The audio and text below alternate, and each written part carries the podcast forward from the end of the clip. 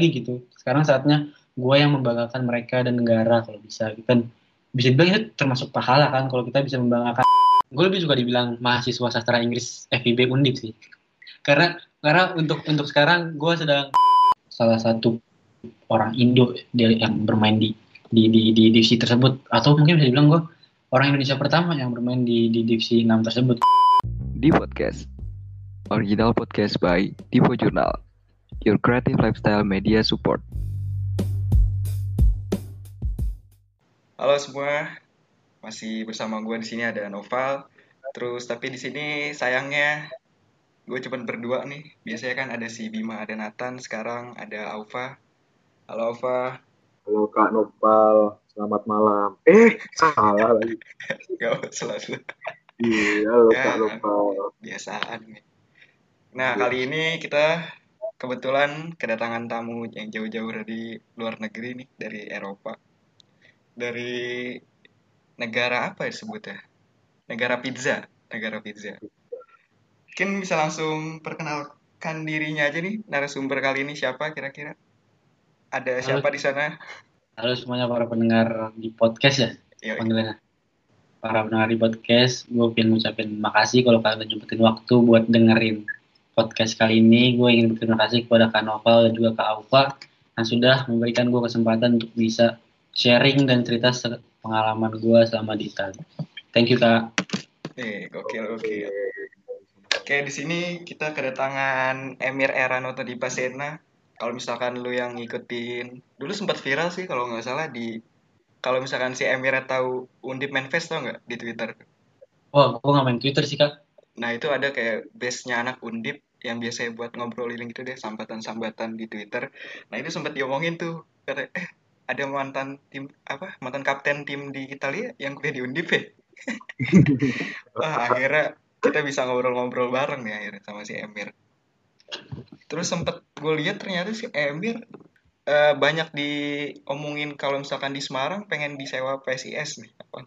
sewa Disewa. Nggak, pokoknya sempat ada omongan kayak gitu lah ya. Di, Tapi- di, direkrut, direkrut. direkrut tapi itu ntar lah bahasannya. Masa baru mulai udah langsung jauh aja Langsung. Berarti Emir sekarang lagi di mana nih? Di Jakarta atau di mana? For now sekarang gue lagi di Jakarta karena kita semua kan kuliah secara daring ya. Hmm. dan absensi secara scanner itu. Gue gue banget kan ngalamin kalau kan kita semua tahu ya anak undip nih. Semua yang, yang dengerin mostly anak undip. Kalau Oke, absen itu ada waktunya kan 15 menit. Benar. Gua itu pemakai iOS bukan Android jadi gua nggak bisa download aplikasi eh, siap jadi gue harus buka website gue harus login SSO dulu dan sekarang tuh di SSO kalau kalian tahu iklannya tuh yang kayak harus buka Twitter, YouTube, Instagram terus ditanya udah udah subscribe, udah udah apa udah nge-like Facebook. Jadi kayak gue panik sendiri takutnya lebih hilang gitu. Tapi alhamdulillah nggak kenapa-napa sih. Jadi seru aja gitu. Semester pertama online ketemu teman-teman online, dosen online nggak nggak nggak pernah kepikiran gue bakal bakal kayak gini gitu. Hmm. Jadi apa gitu Kak.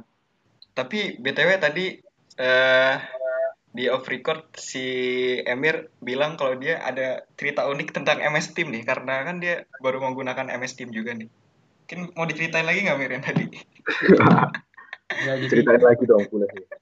ini guys yang buat kalian dengar nih gua tuh lagi ada baru aja kasih tugas bahasa Indonesia matkul Indo dan matkul biasa lah di setiap tugas ada ada batas pengumpulan dong. Iya. nah gua tuh udah ngerjain sebelum batas pengumpulan. Udah kayak udah gua jawab di Word udah gua save udah gua add to Word gitu. Cuma yang gua nggak tahu ternyata di MS Team itu di bagian assignment ada yang namanya hand in nih kalau nggak salah atau submit gitu. Ya turn Nah. in turn in gitu. Nah iya, itu gue lupa untuk turn in turn in itu. Dan gue baru diingetin nama eh, apa sih namanya kalau mahasiswa yang jadi penghubung sama dosen. oh kormat iya, Kormat.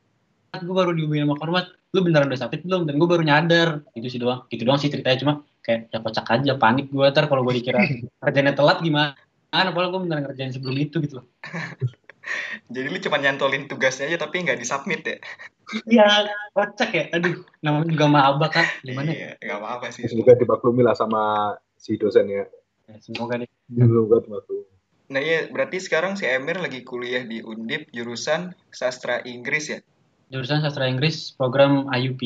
Wih, gokil, gokil, gokil. Nah, berarti kalau boleh tahu nih, berarti lu Mir SMA di luar ya, apa di Indo? Enggak, gua SMA di Jakarta di Al Azhar Hmm. Pusat, Al-Azhar Pusat yang di pusat Blok M. Oh, Blok M. Kan Al-Azhar tuh ada yang di Kebayoran kalau nggak salah ya?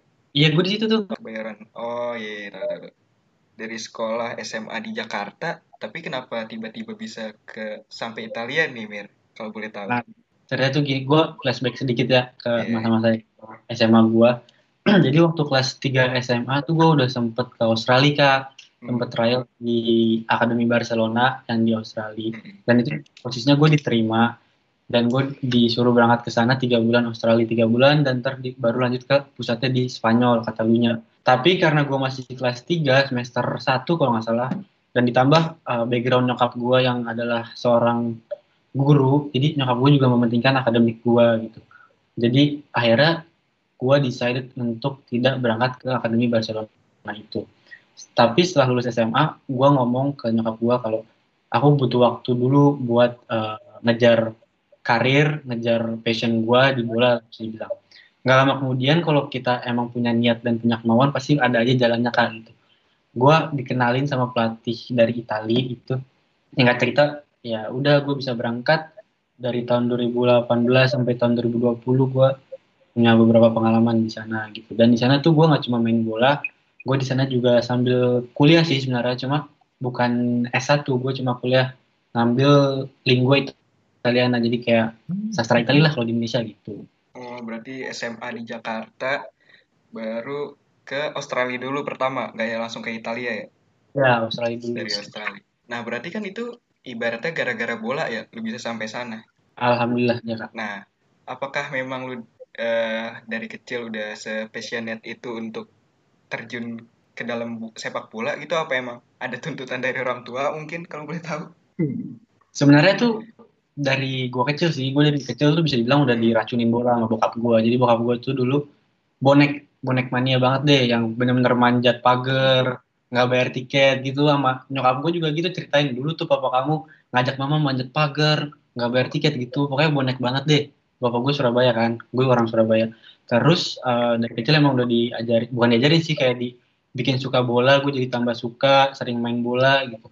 Dan yang gue makin bersyukur adalah orang tua gue mendukung dan mendorong gue untuk untuk eh, memfokuskan di passion tersebut atau di karir tersebut. Karena eh, itu adalah hal yang bisa dibilang sangat jarang gitu. Banyak banget teman gue yang mempunyai passion di satu bidang atau satu hal tapi orang tuanya tidak tidak memberi full support untuk dia gitu. Itu cukup cukup sedih dan cukup kasihan sih gue sebenarnya. Jadi gue merasa oke I have full support from my parents nunggu apa lagi gitu. Sekarang saatnya gue yang membanggakan mereka dan negara kalau bisa gitu. Dan bisa dibilang itu termasuk pahala kan kalau kita bisa membanggakan warga Indonesia sebanyak ini dengan bisa ada orang Indonesia di Eropa gitu. Karena menurut gue kita semua bisa. Kita nggak nggak kalah kok sama Eropa. Cuma eh, kemauan kita motivasi kita aja sebesar mereka tidak gitu. Gokil memang nih. Kayak selasa dikasih motivasi ya. Kan tadi ini sih gue menarik juga nih yang tadi tentang bola.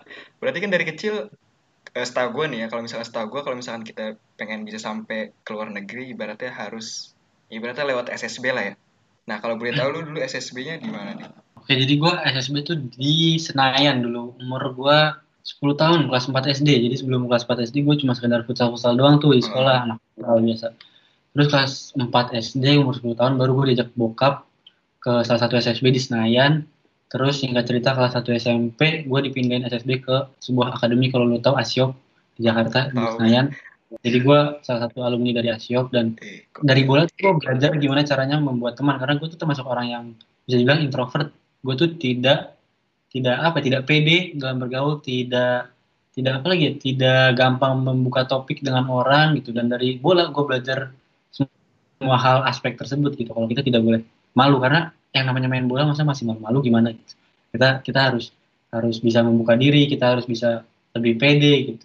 Itu sih yang gue pelajarin juga. Dan setelah dari Asiop gue sempat main di klub salah satu klub Liga 3 cuma untuk bentar doang. Dan yang lucunya gue pernah trial di Persebaya Surabaya U19 Bali United U17 dan Bayangkara FC U19 dan semua semuanya saya ditolak. Jadi dari situ gue tahu kita masing-masing udah punya rezeki. Kalau kita ditolak bukan berarti kita not good enough tapi emang rezeki kita nggak di situ. Mungkin ada rezeki kita yang lebih baik di tempat yang lebih baik lagi gitu. Itu sih yang gue pelajarin. Jadi kayak just enjoy life your life gitu. Nggak usah terlalu stres nggak usah terlalu apa gitu. Apalagi untuk untuk kak kak Nova kan bentar lagi mau magang ya kak. Nah Iya, misalkan kalau nanti di tempat di tempat yang kak Novel mau magang terus kak Novel nggak diterima jangan sedih kak mungkin ada tempat lain yang lebih baik lebih cocok untuk kakak gitu kak Asli asli. Oh. Gokil gokil anjir.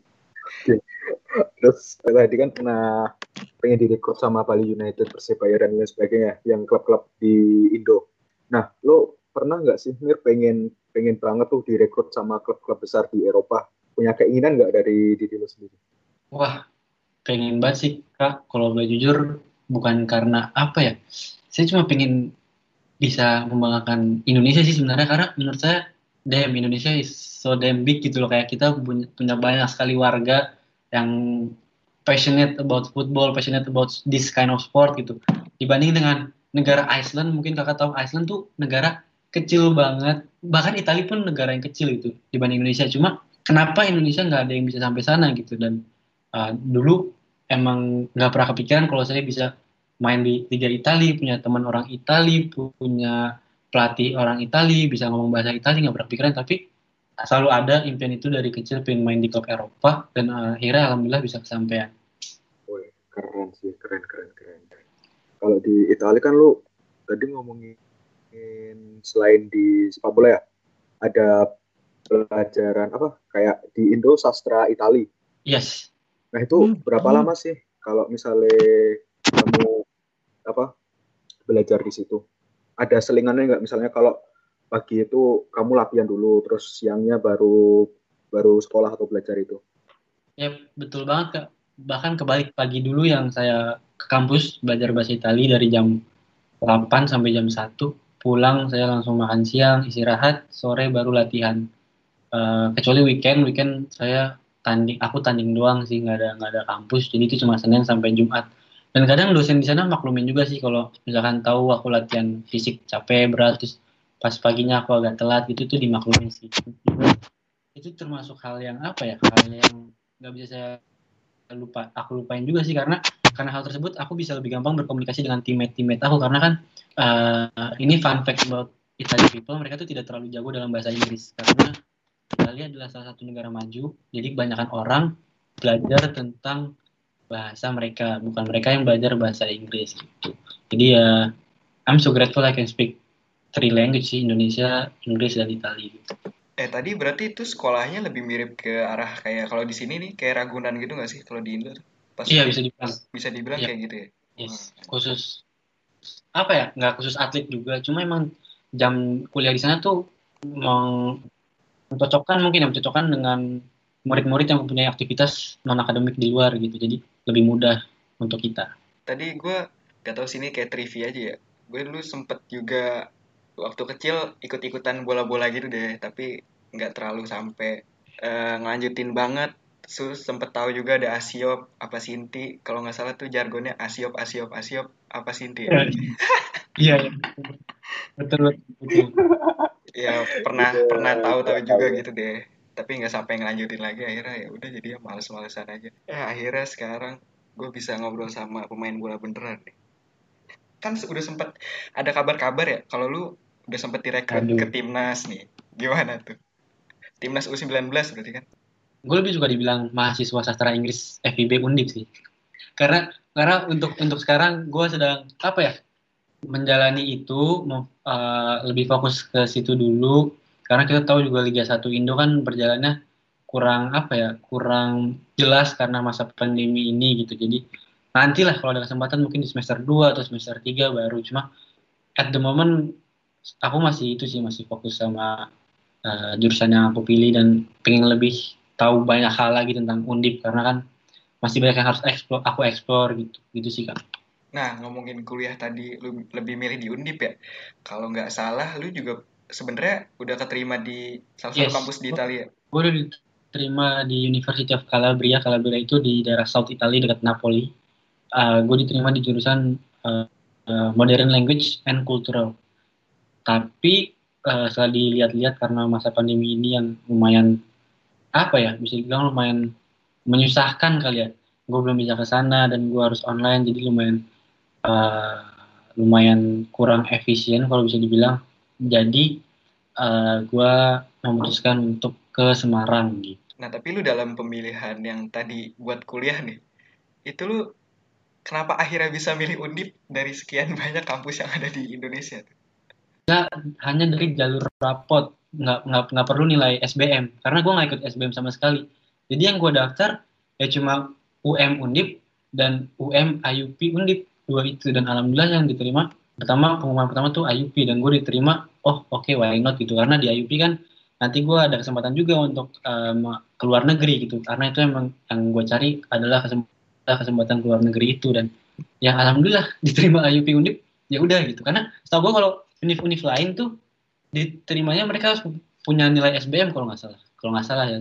Cuma ada beberapa PTN aja yang nerima hanya dengan nilai rapot gitu. Dan yang gue baru tahu adalah ternyata sastra Inggris International Undergraduate Program itu baru angkatan kedua. Oh, enggak. Gue baru tahu sih kalau IIP-nya itu baru angkatan kedua sih. Berarti iya. kan, 2018 ya mulainya? 2019, Kak. Oh, oh iya, 19, 19, benar-benar.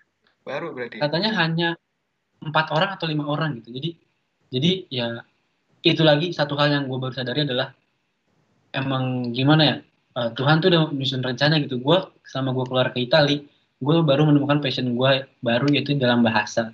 Gue merasa I am capable of doing these things kayak gue punya kelebihan di hal ini sektor ini. Karena bahasa Italia tersebut gue kepikiran untuk daftar uh, sastra Inggris ini. Gue lebih tahu di mana diri gue lebih kompeten diri gue lebih menguasai gitu coba kalau gue rewind sedikit saat gue lulus SMA tuh gue benar-benar clueless. Gue gak tahu jurusan apa yang mau gue ambil. Dulu yang gue pingin tuh kalau nggak salah cuma sekedar ilkom ilkom ilkom. Di mana ilkom saingannya sangat amat banyak gitu. Gue pengen masuk ilkom cuma karena gue ngerasa gue gue suka ngomong gitu. Tebal itu relate uh, banget gitu. Nggak nggak nggak ada hubungan sama sekali. Dan karena gue punya pengalaman dua tahun di benua Eropa di luar negeri jauh dari keluarga dan orang tua gue semakin mengetahui siapa diri gue sendiri gitu. Jadi gue juga ngerasa yang di sini yang dengerin podcast ini mungkin kalian salah satu anak rantau karena kalian rantau di Semarang kalian pasti ngerasa kalian lebih lebih knowing about yourself lebih tahu apa makna kehidupan lebih tahu ke mana tujuan kalian gitu. As simple as like gue mau makan apa hari ini? Itu tuh udah udah udah pasti kalau anak rantau ngerasa banget kalau di rumah enak gitu bangun tinggal makan nggak perlu mikir makan apa. Tapi kita harus kalau anak rantau pasti kita harus jaga pola makan kita harus jaga uh, kapan ngerjain tugas kita harus jaga eh, nggak uh, telat ke kampus. Pokoknya hal-hal simpel tuh pasti anak rantau lebih lebih lebih menguasai itu menurut gue sih gitu. bener-bener anak rantau pasti gimana ya bisa dibilang lebih banyak perhitungan. Ya. daripada misalkan lu anak yang belum pernah ngerantau lah ibaratnya ya. Ngomongin rantau juga berarti lu pernah ngalamin homesick dong? Pernah banget pernah. Dan karena dan karena rantau juga bisa dibilang yeah. gue jomblo selama tiga tahun karena menurut gue LDR is a impossible things to do man. Kayak uh, if you kalau lu kangen sama dia ya lu harus ada buat dia. Lu harus kontak fisik tuh mengalahkan segalanya. Man lu nggak bisa hanya sekedar video call atau teleponan tuh itu itu nggak bisa sih. Karena menurut gue yang terus ada bakalan menang dibanding yang terus uh, apa ya yang terus hubungin yang terus nanyain gitu. Menurut gue gitu sih. Setuju sih gue emang yang nggak ada rasanya juga sih kayak LDR kan ibaratnya virtual aja ya. Lu nggak ketemu bentuk bentuk langsungnya. Iya. Iya beda benua kak. Iya iya beda benua. Anjing jauh banget. Cuma bisa video call doang telepon. Iya. Dan, ketemunya virtual doang. dan beda jam kak. Kalva kalau kak Alfa tahu beda oh. jamnya adalah 6 jam. Jadi kalau di di Indonesia jam 12 malam di Italia itu masih jam 6 maghrib. Di Indonesia jam 6 pagi di Italia masih jam 12 malam. Jadi dia bangun gue tidur gue bangun dia tidur kayak main itu impossible man. Gue gue nggak bisa ngelakuin LDR sih gue juga nggak tahu orang bisa berhasil LDR tuh karena apa gue nggak tahu tapi menurut gue LDR is impossible. Oh berarti nah, itu. udah sempat punya terus sekarang berarti putus nih? Udah udah beberapa kali. Berangkat berangkat ke Italia tuh udah apa berangkat ke Italia tuh udah soto ini kayak bisa bisa bisa bisa. Jalan sebulan dua bulan udah off kontak nggak bisa nggak bisa. Tinggal udah ditinggalin aja nih iya Atau kayak yang gimana? kayak uh, win-win solution sih kak kayak Oke. kayak lu juga ada yang deketin ya udah lu mending sama yang sekota aja gitu Eh, biarin gue di sini jalanin karir gue jalanin passion gue gue nggak nggak nggak nggak sebegitu butuhnya perhatian dari dari dari lu gitu gue bilang gitu jadi ya ya kita sama-sama udah ngerti lah apa apa pentingnya dari sebuah hubungan gitu udah sama-sama ngerti gitu sih kok jadi curhat nih gue Gak apa-apa, selalu, selalu, selalu. Nggak apa-apa. Ngobrol mah bisa nyambung ke mana-mana nih. Connect Kalian, langsung connecting ke sini ke sini. kali aja yang denger kan. Ada yang mau. Banyak. Ngomong-ngomong nih banyak. eh, masuk undip ganteng nih, eh ganteng undip nih. Si Emang iya? Emir. Emang dan ada. Iya ada nih. lebih malu lagi tuh di screenshot sama teman terus dikirim kirim ke grup angkatan gitu loh kayak ngapain bro? Bro aduh malu banget gua gitu. Bukan grup angkatan sih grup cowok-cowok tapi sasing gitu. Dan juga grup kelas gitu. Terus ya gue bilang aja. Bukan itu bukan gue itu saudara kembar gue begitunya gue bercanda-bercandain lah gitulah. Soalnya kayak gue tuh ada ada matkul jam 6 pagi dua hari. Hari hari Selasa sama Jumat. Jadi ya orang siapa sih yang matkul jam 6 pagi mandi gitu? Gue nggak mandi dong. Dan kemarin ada kejadian gue ngomong. Gue ngomong kan berarti kita muncul kan muka kita temen gue Iya, iya. temen gue langsung lain bro rambut bro bodoh amat orang gue baru bangun itu bukan berarti gue masuk undip ganteng gue ganteng juga orang baru bangun gimana masa sebegitu niatnya harus mandi harus pakai parfum gitu enggak lah gue ya gue gitu Berarti lu bisa dibilang apa ya? Men- eh, menjadi orang yang terkenal itu lu risih dong. Lu nggak suka berarti bisa dibilang. bukan nggak suka sih Eh, itu hal yang Hmm. apa ya suatu kelebihan cuma gue nggak mau orang expect lebih ke gue ngerti nggak Oh, oke oke. I see. I see. kayak misalkan eh, Emir masuk undip ganteng terus orang jadi kayak takut ngomong sama gue karena gue gini gue gitu gue gue gue gue pokoknya gitulah gue nggak mau gue pengen orang ngeliat gue ya dari diri dia sendiri kayak dia kenal gue sendiri gue nggak mau orang ngeliat gue dari media dari berita gue nggak suka karena eh, karena persepsi orang bisa beda-beda kan bisa ada yang ngira Emir sombong ada yang ngira Emir eh, malah suka flirting gitu loh jadi pal gue ya gue ya gue gue suka ngobrol gue suka kenal dekat gitu gue lebih suka gitu sih dibanding kayak orang cuma ngeliatnya dari dari dari eh, media gitu sih. Ya, pokoknya lu nggak suka lu di- eh, dikenal dari orang lain lah ya. Kalau bisa lu kenal gue ya dari gue, jangan kenal Iya. dari, dari orang bahkan kalau buat kalian yang dengar podcast ini nanti kalau kita udah offline terus kalian ngelihat gua dan kalian tahu gua sapa gua aja nggak apa-apa. I, I feel free to talk with you guys. Kayak kita semua dalam fakultas yang eh bukan fakultas dalam universitas yang sama kita semua menjalani hal yang sama gitu. Sapa gua aja gua bakal bakal bakal open open banget buat kalian gitu. Ya benar sih. Karena gimana ya, paling ekspektasi orang terhadap lu nih ya, gara-gara lu dari luar negeri, terus jadi bahan omongan di ada apalagi lu masuk timnas kan ada bahan omongan kayak gitu dan mungkin orang ngira lu wah ini kayaknya orangnya bakal sombong atau gimana. itu itu yang gue gak mau. Iya itu berarti you get my point kak. Kayak you get the point maksud gue ya gue gimana ya gue nggak mau orang mikir seperti itu cuma ya ya persepsi orang nggak ada yang bisa ngatur gitu ya tergantung orang gitu. Cuma eh, menurut gue ya I'm here man. Gue juga salah satu siswa di Universitas Diponegoro. Juga salah satu eh, apa orang yang sedang berjuang untuk bisa mendapatkan IPK yang bagus seperti kalian semua gitu. Eh outside of outside of outside of that ya gue punya passion gue di bidang sepak bola kebetulan. Yang di mana kalian sendiri pasti punya passion kalian sendiri di luar bidang akademik gitu. Cuma bedanya adalah mungkin di bidang sepak bola tuh bidang yang disukai banyak orang makanya bisa lebih disorot lebih di- dilihat gitu cuma ya Emir ya Emir gitu gue ya gue Iya benar sih benar. Masalahnya kadang ada aja Mir orang yang tahu gak sih lu yang kayak udah terkenal jadi akhirnya ya makin dongak aja ke atas. Ibaratnya Nah, apa ya? Star syndrome gitu kali ya. gue belajar ke ilmu padi kak kalau lu tahu Hmm, iya. makin makin merunduk asik banget kak aduh Asik anjing. ini yang denger, Benar-benar. yang denger maaf banget yang denger kalau ngerasa mikir Emir sotoy banget dah sorry gue cuma biar asik aja ngobrolnya Iya. Iya. bebas bebas santai aja agak Bercandain flashback aja sih iya agak Iya. flashback ke belakang yang tadi nih yang tentang si Emir udah lama di Italia ya kalau boleh tahu berarti lamanya berapa di Italia lu Mir? Dua tahun kak. dua tahun terus dua tahun akhirnya lu milih balik lagi ke Indo nih nah itu kan pasti kan dalam tadi lu jelasin juga ada perbedaan jam 6 jam ya? Nah pas lu sampai di Indo eh, ada jet lag kah? Atau ternyata wah anjing gua belum bisa banget nih. Eh, ibaratnya belum bisa beradaptasi lah. Nah itu mungkin bisa ceritain tuh gimana pas pertama kali lu ke Indo rasanya setelah dua tahun di Italia. Pertama kali ke Indo rasanya it's a bit weird gitu. Sebenarnya kayak agak aneh gitu karena kayak all the memories, all the the apa semua kenangan balik lagi. gitu. Cuma malah gue lebih susah un- untuk masuk di culture.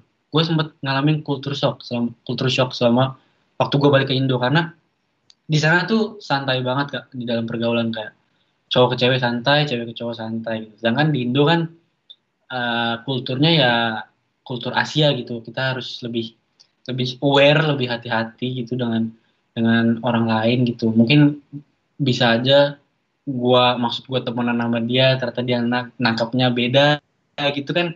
Itu agak bahaya tuh seperti itu kan orang-orang kan nggak semuanya nggak semua santai ya. Ada yang kayak gampang baper gitu.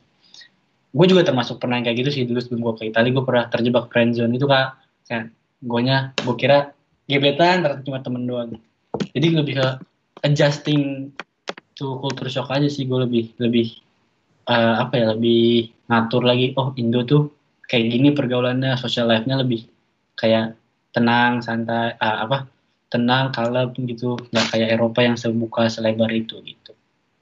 Ova mungkin ada yang mau ditanyain nggak? Gue sih tentang yang pas lu di Italia kan pernah sih lu turnamen ya paling ke di weekend. Di weekend ya kan? Iya, yang tadi lu omongin.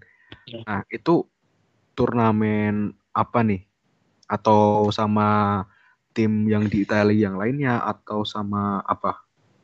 Itu liga kak jatuhnya. Jadi di Italia itu kalian pasti tahu ada seri A, seri B, seri C. Nah, kalau di ya itu divisinya sampai divisi 8 dan Hmm. mereka benar-benar terstruktur banget mereka rapih banget dari dari masalah finansial masalah kesehatan masalah asuransi masalah tempat tinggal. Mereka strict banget mereka udah serapih itu dan gue bermain untuk salah satu tim di divisi 6 jadi dari seri A seri B seri C seri D divisi 5 divisi 6 nah itu gue uh, gue main di salah satu tim namanya San Marco Juventina di kota Perugia dekat Roma centro Italia tengah-tengah Italia gue main di situ dan itu kita tanding setiap hari minggu. Dan orang membayar tiket untuk nonton kita. Tiketnya kalau nggak salah 10 euro apa 12 euro gitu Mhm. kita latihan tiga kali seminggu Selasa Kamis Jumat. Cuma pengalaman yang gue nggak bisa lupain adalah waktu gue tanding. Jadi di Italia itu ada wasit perempuan kak. Iya. wasit perempuan.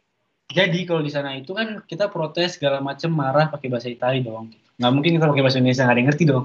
Ada suatu gue lagi tanding. Aku lagi tanding kak. Terus eh, ada hal lah kayak pelanggaran atau apa aku lupa pelanggaran. Cuma menurut aku bukan pelanggaran aku tegur aku panggil dong wasitnya. Kalau di sini tuh kan kalau wasit ya sit dong. Sit sit sama aja mau perempuan mau la- mau perempuan mau laki. Kalau di sana itu kita harus formal kita kayak pak atau bu gitu.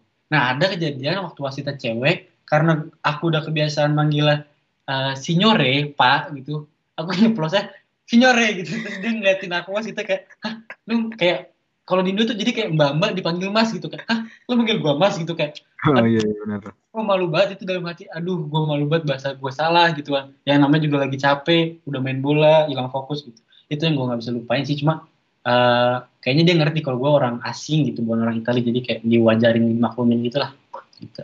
gitu oke. Gokil sih ini. Eh, jadi itu di Liga 6 ya? Di Iya. Liga 6 Itali pernah gak sih lo sampai angkat trofi di situ? Atau pernah dapetin achievement tentang apa gitu di sepak bolanya?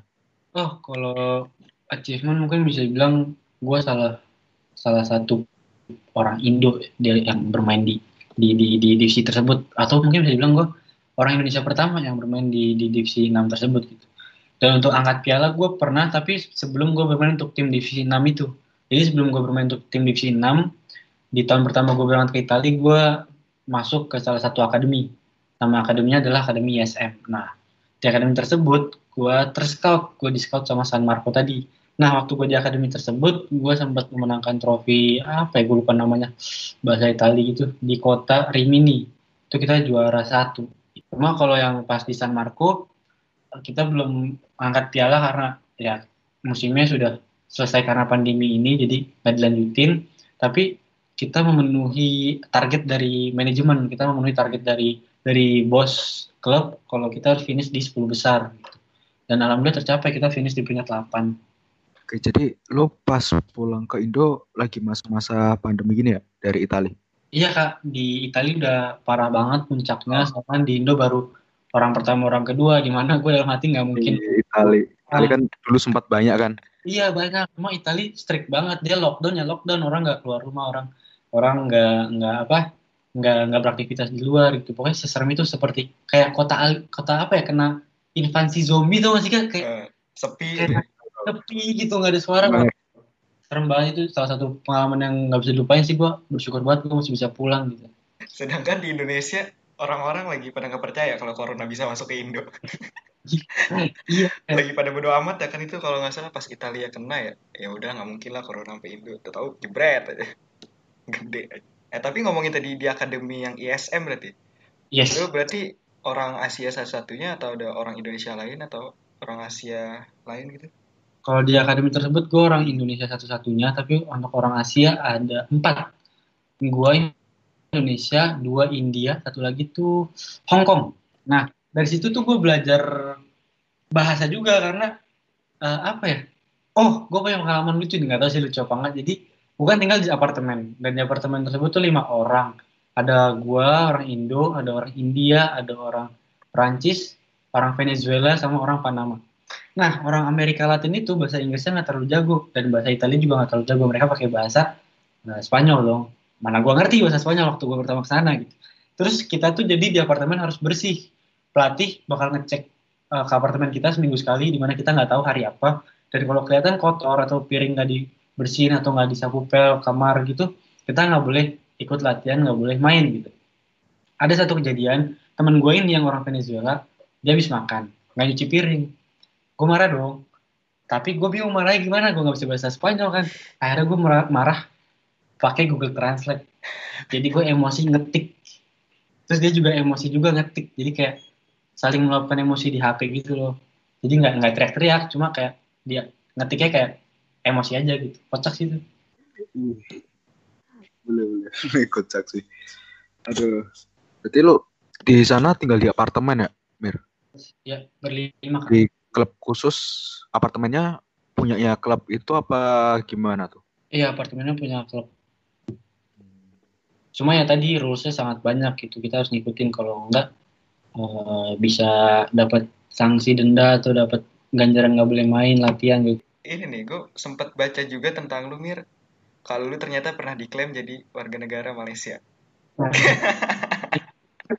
Bener gak tuh? Itu, itu awal awalnya nama gue bisa bisa apa ya? Diketahui oleh masyarakat sih. Jadi kayak awalnya tuh gue ngepost foto foto apa ya? Foto pem, foto gue jadi kapten terus captionnya tuh gue sambungin dengan waktu itu lagi pemilu di Indo.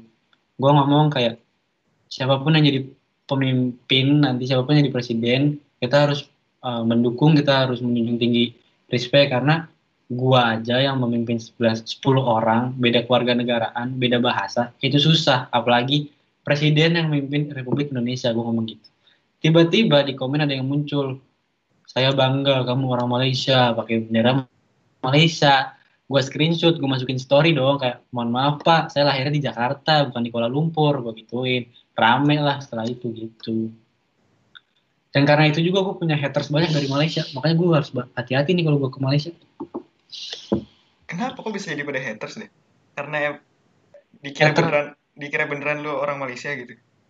Dan enggak dikira, di, kan jadi orang Indo pada nyerang IG dia terus orang Malaysia tuh jadi kayak ah, nggak ah, seneng kayak apa sih kita nggak pernah ngeklaim nggak pernah ngeklaim lu gitu. Padahal orangnya beda gitu ngerti gak sih? Jadi kayak kayak ya gitulah wajar lah namanya medsos gitu lagi yo negara sono ngeklaim ngeklaim mulu anjing. Sampai orang-orang Iya. juga mau diklaim. Kawannya mulu gila anjir. Eh, lo kan mantan tim mantan kapten tim Italia. Eh, di sini gue baca baca nih dari berita.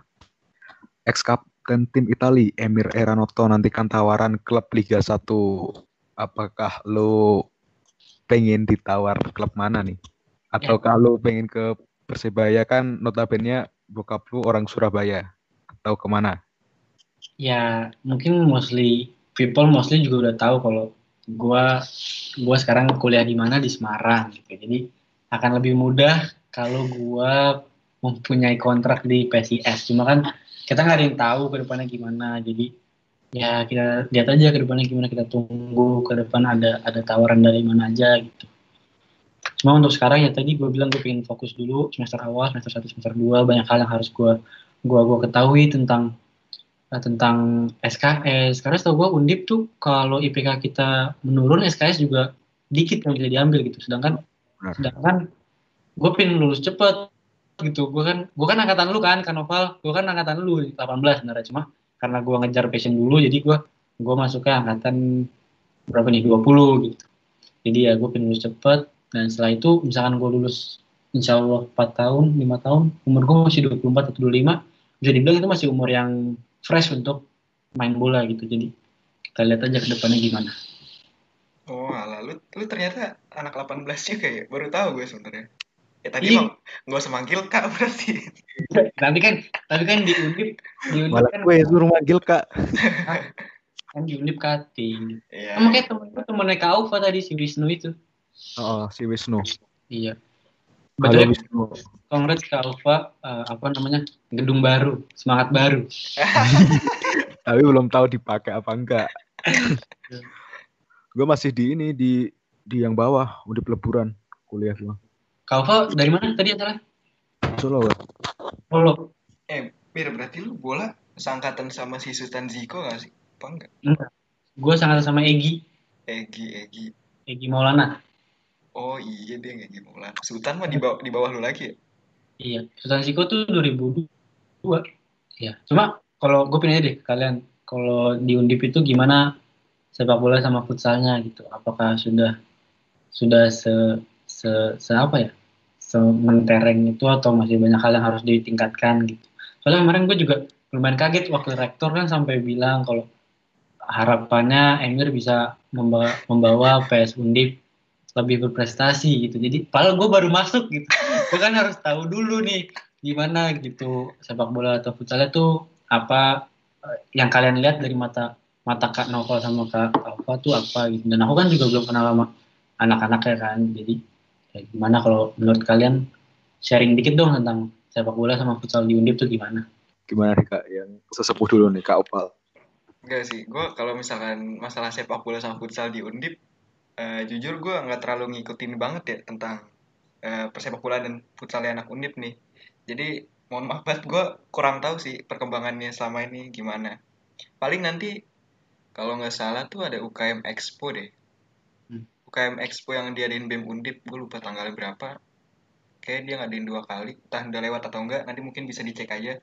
Kalau nggak nanti bisa lu mungkin nanya-nanya ke cutting lu, mungkin nanti kalau misalkan udah masuk ya, udah kenal gitu-gitu. Tapi tadi emang lu sempet pas lagi apa berarti pembukaan ya? Sa- yang tadi lu dibilang dibilangin sama rektor itu pas kapan berarti? Enggak itu jadi ada di postnya Undip official. Oh, Jadi oh iya nih. Kalau kalian lihat di post Undip official yang foto gua itu kata-katanya tuh gue.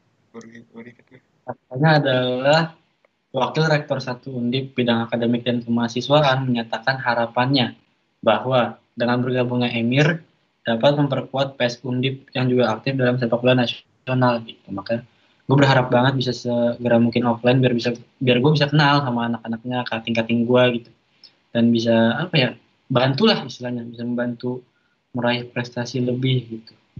Iya sih, benar-benar.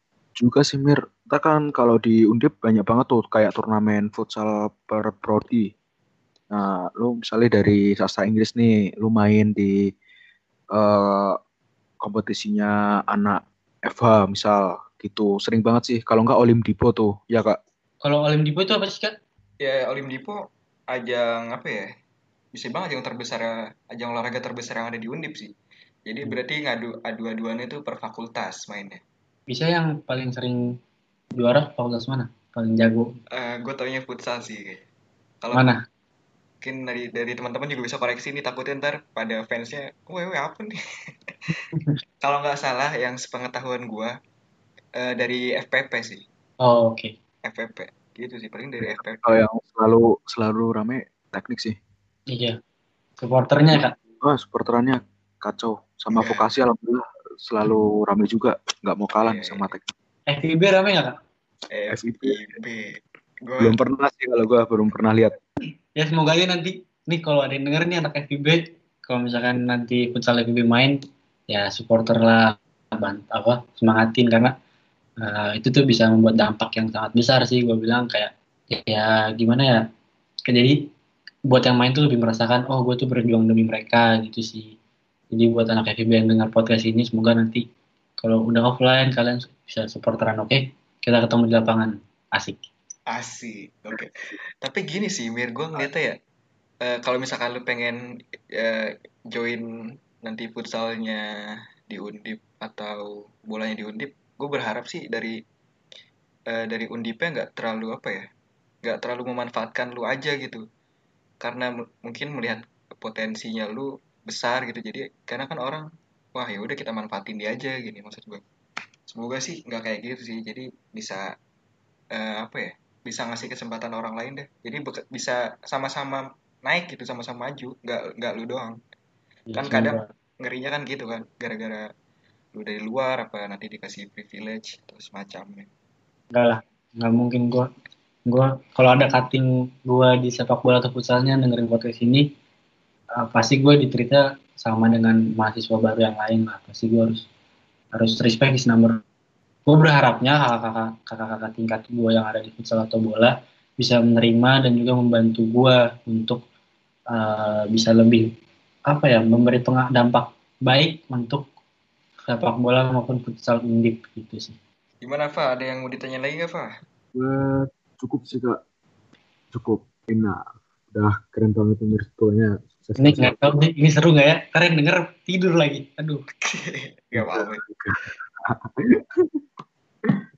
Masalahnya mau nebak pasar juga sukanya yang kayak gimana sih? Gue masih susah sih sebenarnya. Jadi ya try the best aja.